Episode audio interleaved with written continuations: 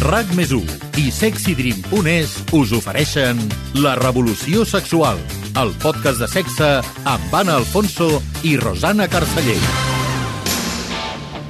I got my first real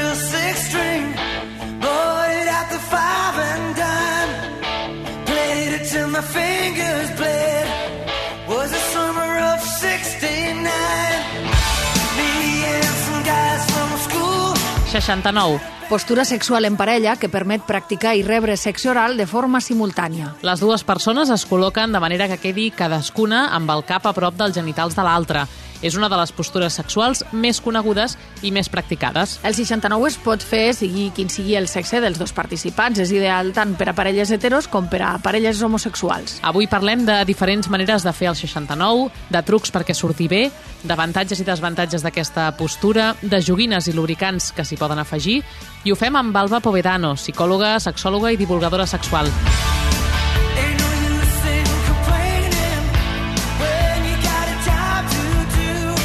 Alba, benvinguda de nou a la Revolució Sexual. Gràcies. Hola, noies, què tal? Molt bé. Primer de tot, el nom d'aquesta postura, per si algú no se n'ha donat, ve de la forma del 69. Així, tal qual. Sí, sí. O sigui, dues persones donades la, la volta, llavors els genitals d'una persona donarien a la boca de, de l'altra. Llavors, és simultani. En general, diries que és una postura plaent o de vegades és massa difícil que surti bé?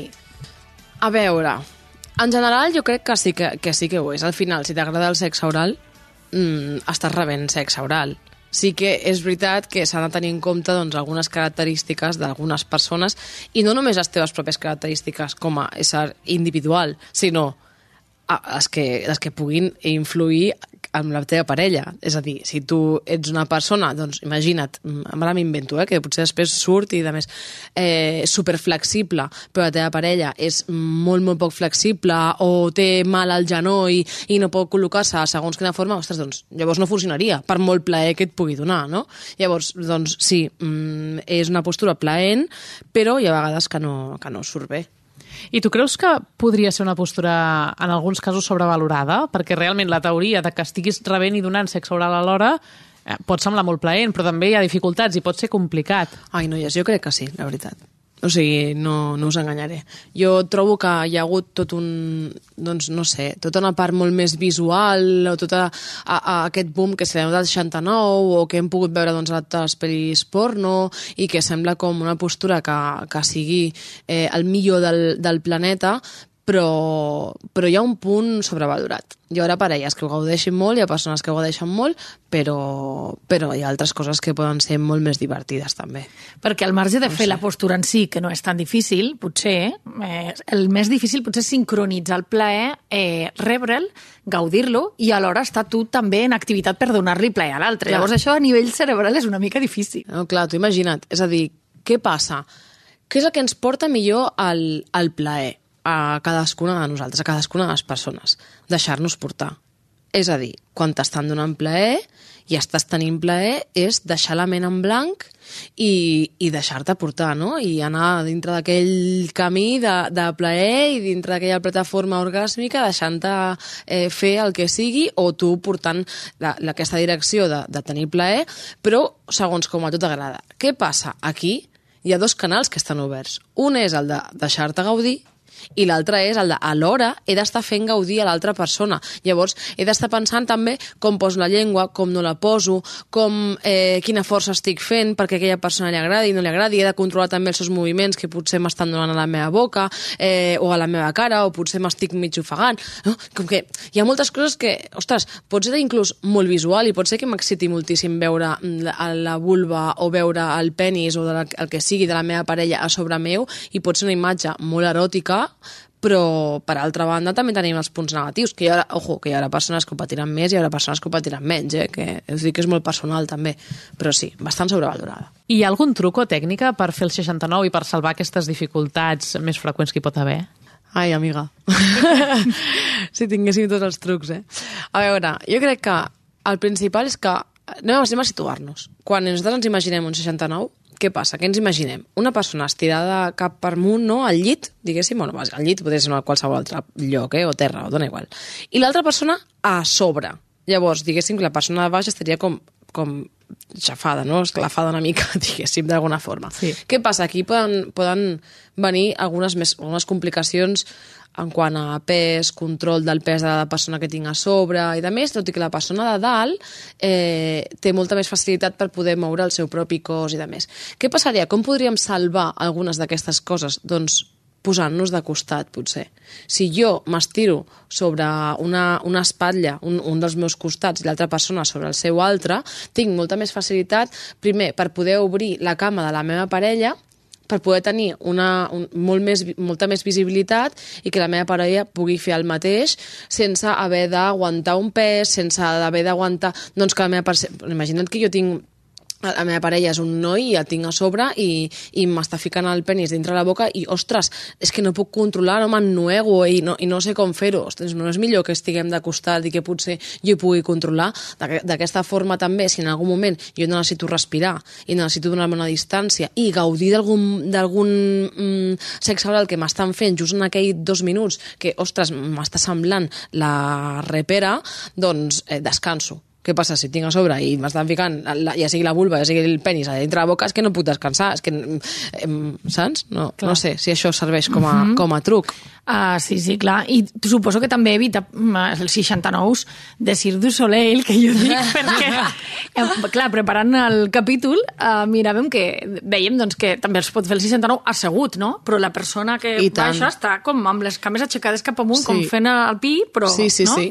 Llavors això ja, que, que quan veus la, el dibuix estupendo. o la foto és xulíssim, eh? està molt bé, però Sí, sí. és bastant complicat. Suposo que això deus, deus haver d'entrenar. O Home. dret, també, perquè també hi ha la versió dret, que és encara més complicada. Clar, us imagineu-vos, és que has de tenir un control sobre el teu cos, però ja no parlo a nivell sexual, estic parlant del teu cos a nivell eh, força, a nivell eh, equilibri, estic parlant ja de, de ser entrenadors i entrenadores de, de ioga, de, vull dir, hi ha, una, hi ha una història aquí que no té res a veure amb, amb bueno, tota la població. Al, al final, la major part de la població no està acostumada a fer aquest tipus de, de postures i al final ens podem fer mal. No ens oblidem que el sexe es tracta de gaudir i de més. I sincerament, jo ho penso, si és una postura on tu creus que te la fotràs de morros, eh, a veure, una cosa, pues hem vingut a gaudir, no? O sigui, hem vingut a gaudir o, o a fer-te el xulo la xula de he fet una postura a la meva parella que ella feia el pi, jo feia no sé què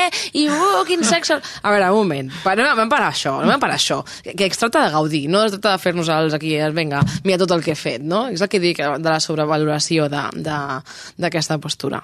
I parlàvem també, preparant el capítol, de l'egoisme positiu, que és una, una habilitat que s'hauria de potenciar per, per fer aquesta postura i tantes altres que tenen a veure amb el sexe oral. Clar, o sigui, clar, sí, sí. Què passa? Que estem acostumades habitualment. Vaig a, vaig a, a tirar aquí una mica de, de feminisme. Ja sabeu que, que no puc, no puc deixar-ho, però sí que trobo que les dones en general, i ho dic expressament, les dones en general, estem molt acostumades a... Se'ns ha ensenyat i hem après que a la vida estem més fetes per donar plaer, per complaure, en general. A més a més, si ho ajuntem en relacions heterosexuals, la, major, la gran part és, és, és així, no? I a més a més hi ha una desigualtat en quant a la sexualitat en què els homes s'exciten molt més ràpid i les dones necessiten molt més temps per poder arribar al mateix punt d'excitació que l'home. Llavors, què passa? Si, si jo desconnecto, si jo estic rebent sexe oral i estic més preocupada i desconnecto a nivell eh, plaer del meu cos per si l'altra persona s'està passant mal, massa estona practicant-me sexe oral, aquí jo ja perdo el, el curs, no? O, o perdo una mica el, el rotllo de, de l'orgasme. Llavors estic més preocupada per si l'altra persona mm, s'està avorrint, si s'està cansant, si la llengua... No, si l'altra persona es cansa ja t'ho dirà o ja canviarà de postura, o ja farà el que sigui per fer-ho, perquè jo estic segura que moltes de nosaltres, i, algú, i no homes també, eh, però sí que és cert que, que majoritàriament passa més amb, amb dones, que a vegades no hem volgut i no hem tingut ganes de seguir practicant sexe oral i ho hem fet perquè hem vist que l'altra persona s'ho estava passant genial. Sí o no? L'altra persona igual. Sí, I si no, que ho digui, que posis límits, que cadascú i cadascuna som, som completament capaces de poder posar uns límits i dir no em ve més de gust fer això. Vull dir, amb tot l'amor, però ara mateix no em ve més de gust, en un altre moment potser trobo, trobo, trobo millor. Què passa? Doncs aquest egoisme que estàvem parlant positiu seria ideal que totes ho portéssim incorporat de dir, escolta, és que ara estic gaudint i vull ser egoista i la, aquesta, la meva parella sexual m'està donant plaer i que no vull practicar-li jo a aquesta persona res més, perquè ara mateix l'únic que em preocupa és gaudir el que m'estan fent. Això 69 què passaria? Doncs que aquí a vegades desconnectes més perquè també estàs eh, pensant en donar-li plaer a l'altra persona. Però, escolta, si ho estàs gaudint o estàs mm, patant i t'està encantant el que t'estan fent i tu alhora li estàs donant plaer a l'altra persona i t'alimentes de donar-li plaer perquè estàs veient que la, la, teva parella sexual s'ho està passant genial, jo, tira, venga, va, vámonos, ¿dónde hay que firmar? I clar, també és difícil el sincronitzar no s'hauria de pensar sempre en l'orgasme, però és veritat que inevitablement sí. Ah. ja amb el sexe oral, ja amb el 69, uh, doncs ho penses i és com que sincronitzar el moment, no? que un sempre acaba abans que l'altre normalment. Llavors, Sí. això també doncs, requereix que tots dos juguin no? en aquell moment i És que que, tots tema- dos segueixin i que estigui com... Què recomanes en, aquest, en aquesta situació? Jo dic que, que et recomano de construir el, el sexe i l'amor romàntic. és el que recomano directament. No deixar de fer 69 ni deixar de fer coses que t'agradin. Què passa? Pues que ens han, ens han ensenyat molt malament a que els orgasmes són simultanis, a que els orgasmes són alhora i que això és super romàntic i és super especial i a més, escolta, es pot donar? Mm, sí. Mm, Passa habitualment? No. Pot ser interessant que passi que en aquell moment es creï una, sincronia superbonica i tal? Per suposat que sí.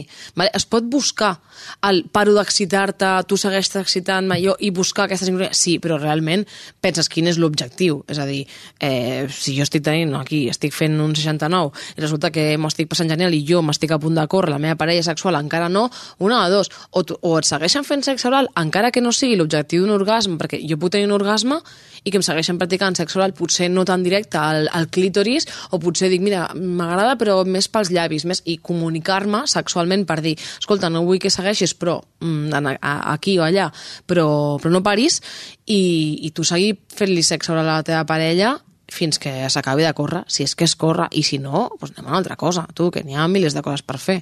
Ara parlàvem de les diferents maneres de fer el 69, eh, drets asseguts, una sobre l'altra sota, de costat.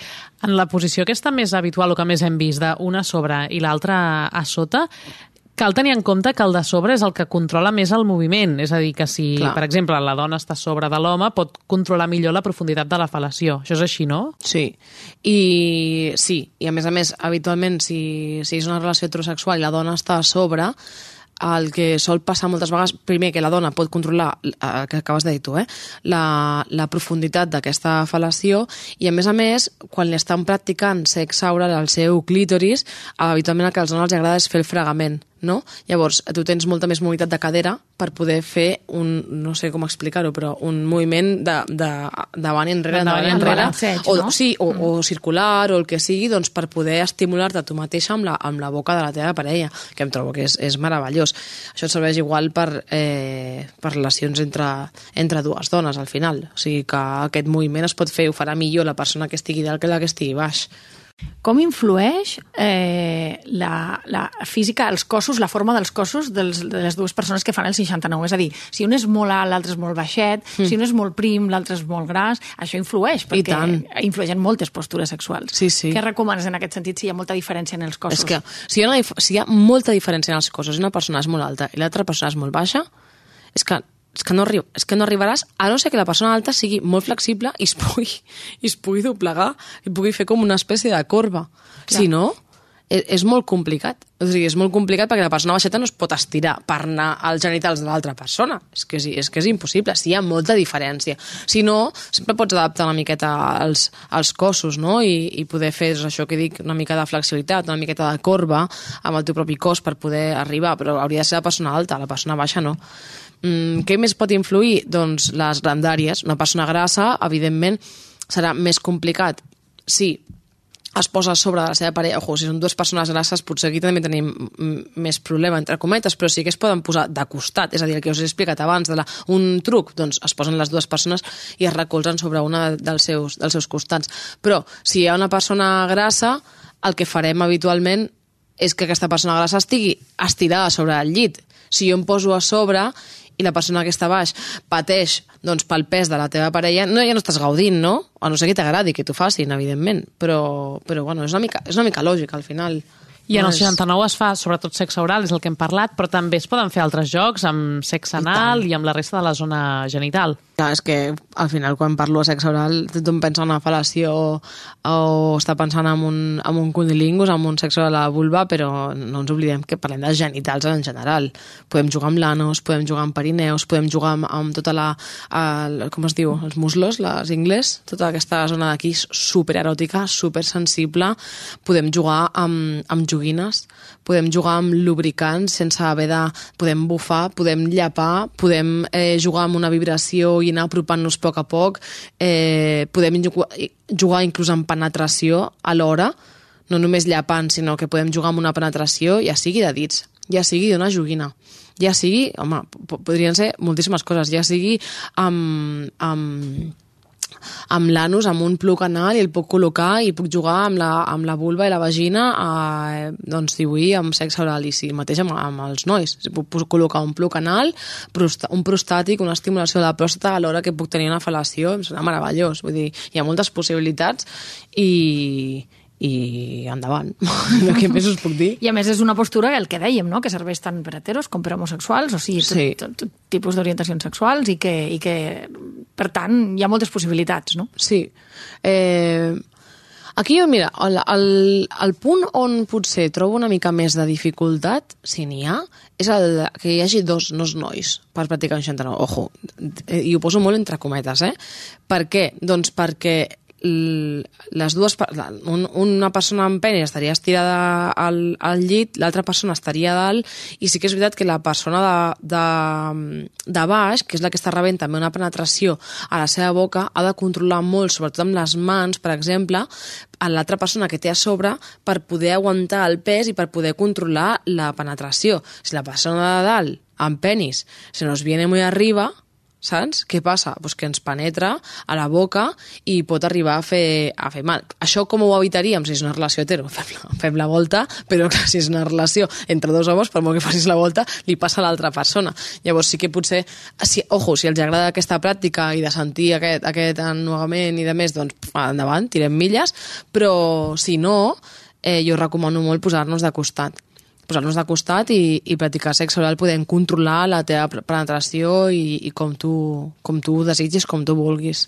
Sí, sí. Quin tipus de joguines i lubricants es poden fer servir per fer el 69? Ara parlaves, per exemple, d'un plug anal per, per eh, fer servir l'anus mentre estàs eh, Sí. llepant la vulva o, o el penis. Quina altra joguina o lubricant es pot fer servir?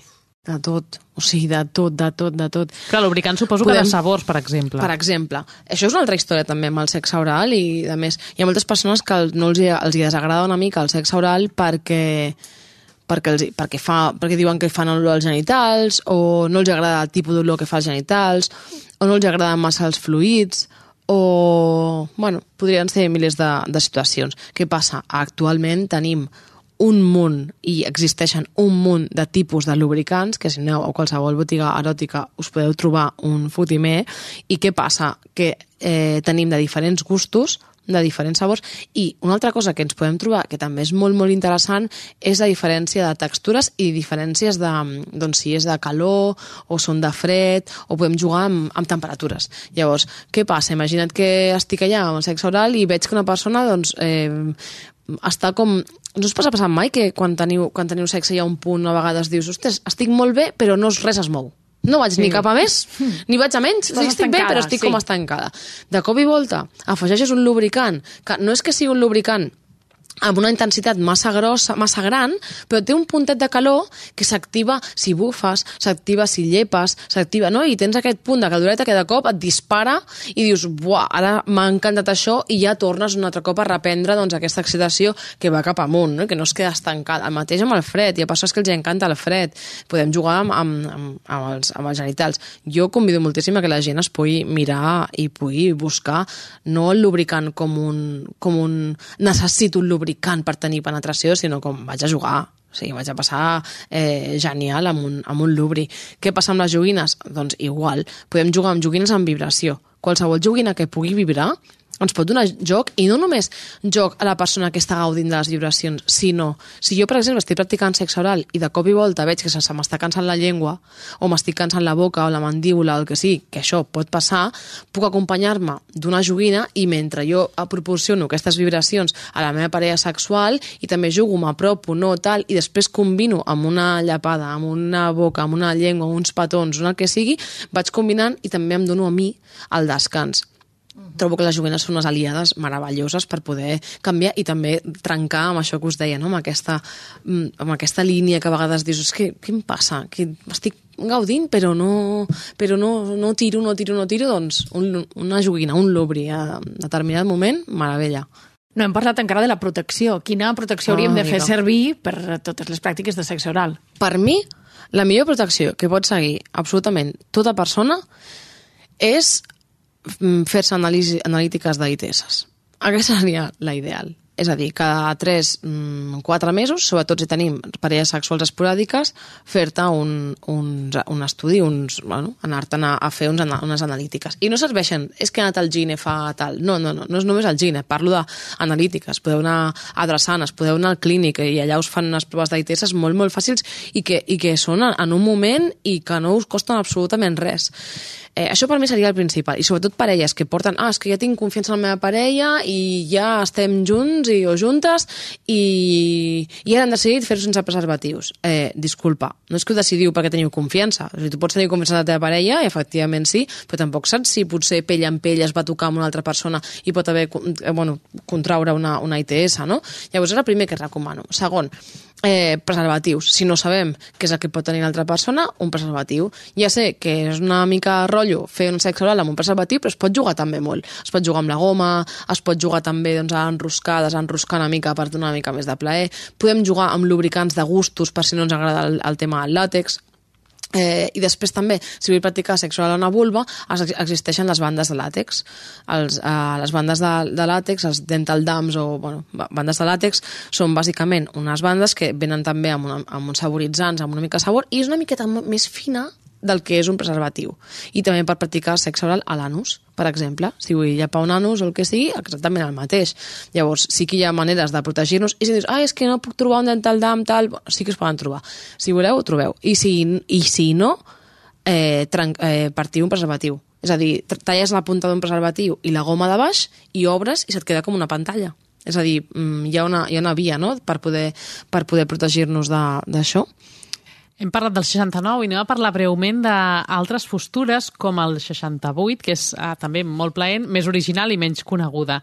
En aquesta, eh, un dels dos membres de la parella rep plaer i l'altre només el dona. Expliquem aquesta posició, a veure si s'entén sense, sense imatges.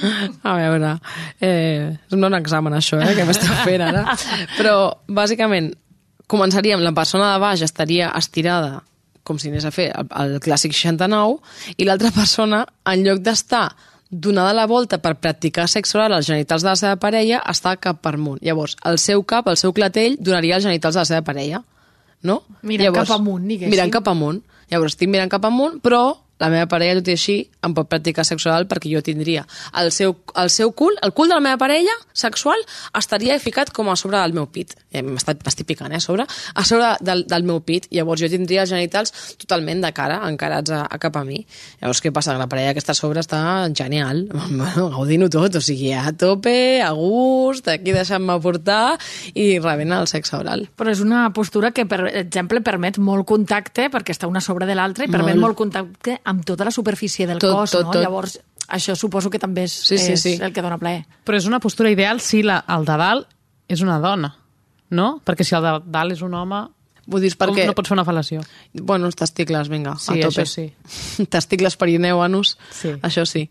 Però penis potser amb les mans. O sigui, tu pots fer sexe oral i jugar amb les mans i fer una, fer una masturbació al penis mentre estàs llapant testicles, això Com sí. una doble estimulació amb mans i amb llengua i amb sí, boca. home, sempre. Clar. Molt fan de les dobles estimulacions. Nois, noies, que estigueu escoltant, no us oblideu de les mans. Quan practiqueu sexe oral, podeu agafar ni que sigui les... El, el, no em surt parlar de la part interna de, de los muslos. cuixes. Les Les cuixes, les les sí. Molt, gràcies, noies. Les natges és al darrere, No. les cuixes és, és la tot cuixa, les a- agafar-ho alhora mentre estàs practicant sexe oral és que et porta com a diferents punts gatell de, del teu cos que estimulen a, a, la, i, i, que, i que et porten doncs, aquest orgasme. No ens oblidem de tocar l'altra persona encara que estiguem practicant sexe oral només. Portar les mans a sobre de, a sobre de, la, de la, a la panxa, eh, pujant cap al pit, tot això. O la llengua, fer-la servir per estimular clítoris i la mà per estimular vulva. sí, sí, sí.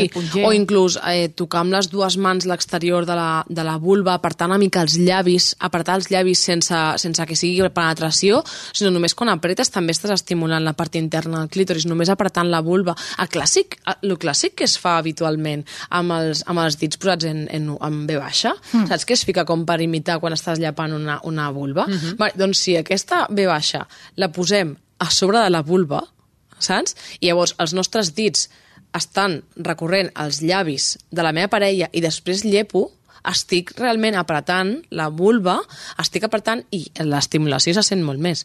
Sembla com una cosa bàsica que la gent no, no se li ha acudit. Aquest truc de pressionar la vulva potser Doncs proveu, és una proveu, descoberta. proveu. Molt bé. Doncs avui hem parlat del 69 i altres postures sexuals amb Alba Povedano, psicòloga, sexòloga i divulgadora sexual. Alba, moltes gràcies un cop més per aquesta Gràcies a vosaltres per convidar-me. La revolució sexual, amb el suport de sexydream.es. Amb sexydream.es, el sexe no té tabús. Descobreix joguines eròtiques per a tothom, kits eròtics per compartir, llançaria i una pila d'idees sexis i atrevides per innovar i gaudir del sexe com mai. Compra a sexydream.es i rebràs la teva comanda en 48 hores. No esperis més i obre la porta al plaer amb sexydream.es.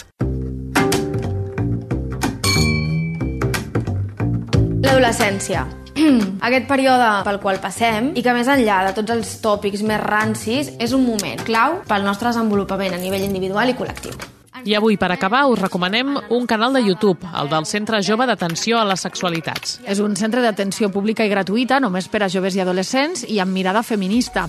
Al seu YouTube hi trobareu vídeos d'un munt de temes pràctics. Temes com la menstruació, el canvi dels cossos, com explorar l'autoconeixement, la pastilla de l'endemà, les infeccions de transmissió sexual o el consentiment. Ara hi trobareu, per exemple, una sèrie de quatre càpsules d'entre 3 i 5 minuts cadascuna sobre equitat menstrual. Formen part del programa Coeducat de la Generalitat de formació afectivo-sexual als adolescents. El canal de YouTube del Centre Jove d'Atenció a les Sexualitats pot ser una eina molt pràctica per als joves, però també per als professors, escoles i instituts que estiguin introduint continguts d'educació sexual a les aules. I amb aquesta proposta, com sempre, us desitgem salut I bon sexe! RAC més i sexydream.es us han ofert La revolució sexual, el podcast de sexe amb Anna Alfonso i Rosana Carceller i el disseny de so de Salva Coromina.